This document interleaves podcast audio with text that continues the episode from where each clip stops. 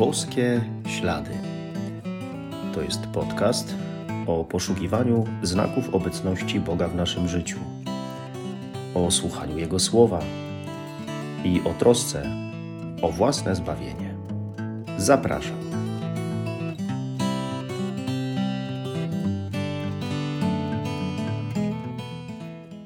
Witam serdecznie. Szczęść Boże. Systematycznie raz w miesiącu, przy okazji pierwszego piątku, odwiedzam z posługą sakramentalną chorych w naszej parafii. I w ostatnim czasie dość często słyszałem z ust tych osób takie słowa, że starość to się Panu Bogu, proszę księdza, nie udała. No rzeczywiście, w ustach tych osób starszych, schorowanych, cierpiących, ledwo się poruszających, te słowa brzmią nie tylko autentycznie, ale niosą jakąś prawdę. Z tym, że prawdą jest także, że my tu na Ziemi potrzebujemy trochę doświadczyć trudu, może po to, by cierpienie i modlitwę ofiarować właśnie za innych i tak im pomóc, może żeby wyszlachetnieć, może aby odpokutować jeszcze za popełnione grzechy. I może jakby zatrzymać się tylko na tej sytuacji starości, choroby i pomyśleć, że tak się kończy ziemskie życie, to rzeczywiście wydawałoby się to bardzo smutne. Ale jeśli nawet starość się Panu Bogu nie udała, to udało mu się co innego. Bez porównania ważniejszego, piękniejszego, a mianowicie nasze zmartwychwstanie i życie wieczne. Życie bez bólu, chorób i cierpienia. I na szczęście ta starość nie trwa wiecznie. Posłuchajmy słów Ewangelii według świętego Łukasza. Podeszło do Jezusa kilku saduceuszów, którzy twierdzą, że nie ma zmartwychwstania, i zagadnęli go w ten sposób: Nauczycielu, Mojżesz tak nam przepisał: Jeśli umrze czyjś brat, który miał żonę, a był bezdzietny, niech jego brat pojmie ją za żonę i niech wzbudzi potomstwo swemu bratu. Otóż było siedmiu braci. Pierwszy pojął żonę i zmarł bezdzietnie. Pojął ją drugi, a potem trzeci, i tak wszyscy pomarli, nie zostawiwszy dzieci. W końcu umarła ta kobieta. Przy zmartwychwstaniu więc, którego z nich będzie żoną? Wszyscy siedmiu bowiem mieli ją za żonę.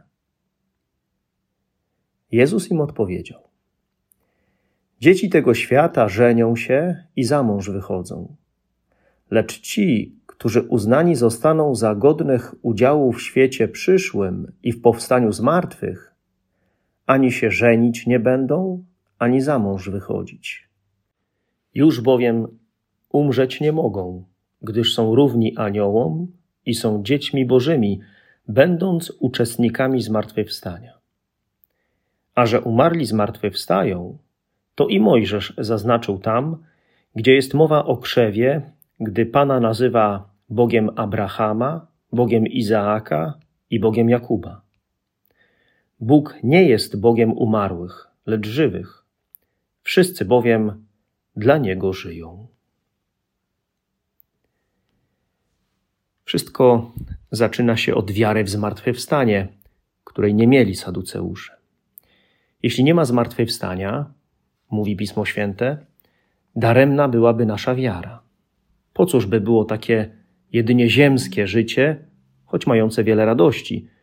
To przecież również pełne także trudów, problemów i cierpienia, i w efekcie zakończone tu na ziemi, na cmentarzu.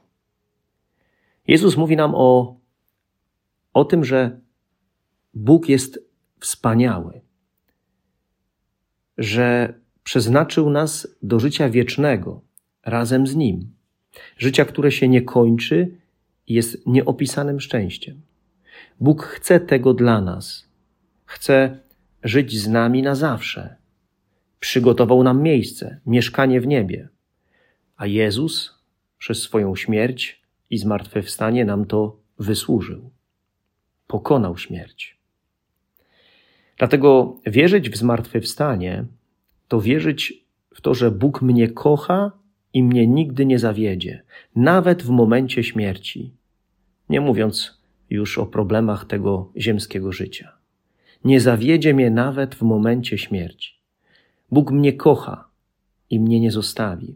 On chce mojego życia na wieki, bo jest Bogiem żywych, Bogiem żyjących. Dlatego ofiarował swojego syna. Jego miłość do nas nie ma granic, ani granic śmierci, ani żadnych innych. Jeśli chcę dobrze rozumieć Boga, mieć relację z Nim, to konieczna jest wiara w zmartwychwstanie i życie wieczne. Skoro Bóg jest Bogiem Abrahama, Izaaka i Jakuba, a oni dawno umarli, a On jest Bogiem żywych, to oni jakoś gdzieś muszą żyć. Skoro jest Bóg, to jest życie pozagrobowe. Saduceusze, stawiając Jezusowi pytanie o wdowę po siedmiu braciach, chcieli ośmieszyć naukę o zmartwychwstaniu. Nie wierzyli w zmartwychwstanie, a tym samym trudno im było przyjąć tę prawdę, że człowiek będzie żył po śmierci. Dlatego stawiają takie pytania, które odnoszą się jedynie do ziemskiej rzeczywistości. Nie są też w stanie zrozumieć, że to życie w przyszłym świecie nie będzie takie samo jak to obecne. Będzie to inne, odmienione życie, inne jakościowo. Nie będzie to tylko spełnienie wszystkich pragnień czy radości ziemskich. To będzie coś o wiele wspanialszego. Dlatego tam będą obowiązywać inne reguły, albo mówiąc inaczej, tam nie będą już potrzebne te rzeczy, które są potrzebne tutaj na Ziemi. Nie będą ważne te sprawy, które są ważne tutaj. Owszem, relacje rodzinne, małżeńskie nie zostaną zapomniane. Przetrwa miłość, ale te relacje będą miały zupełnie inną jakość. Czystość, intensywność będą oczyszczone z brudu i jakby bardziej uduchowione. Tam najważniejsze będzie życie z Bogiem, w obliczu czego wszystko inne straci na swojej ważności. No to skoro tak, skoro życie z Bogiem będzie się liczyć, to niech ono się liczy już teraz. No bo potem będzie to coś, co będzie najważniejsze życie z Bogiem. Niech dziś się dla mnie liczy relacja z Bogiem. To mi jest potrzebne, aby zostać uznanym za godnego zmartwychwstania. Bo zmartwychwstanie będzie dla człowieka wówczas przedłużeniem życia z Bogiem i wejściem na inny, wspanialszy poziom tego życia. To, co myślimy o zmartwychwstaniu i życiu wiecznym, jest rzeczywistością fundamentalną, podstawową dla głoszenia prawd Ewangelii. Jest super dobrą nowiną, mówiącą o tym, jaki będzie finał. I skoro w to wierzymy, a jednocześnie do tego dążymy, to ta sprawa zupełnie zmienia nasz sposób życia tutaj, a przynajmniej powinna. Bez wiary w życie wieczne, doświadczając na ziemi niesprawiedliwości, bólu, tragedii, kłopotów, problemów, cierpienia, stalibyśmy się ludźmi rozpaczy. A z wiarą w Jezusa, w zmartwychwstanie i dar życia wiecznego, mimo trudnych ziemskich doświadczeń, stajemy się ludźmi nadziei, bo nie to, co tu jest najważniejsze. A jeśli nawet to, co tu jest bardzo ważne, to i tak czasowe i przestanie istnieć. Przetrwa na pewno miłość i w nią warto inwestować, tak jak w relacje z Bogiem. Dzięki tej relacji i dzięki miłości, które dają nadzieję, to nasze życie, mimo różnych przykrości, ma sens, ma dobry finał. A co za tym idzie? Chce się żyć.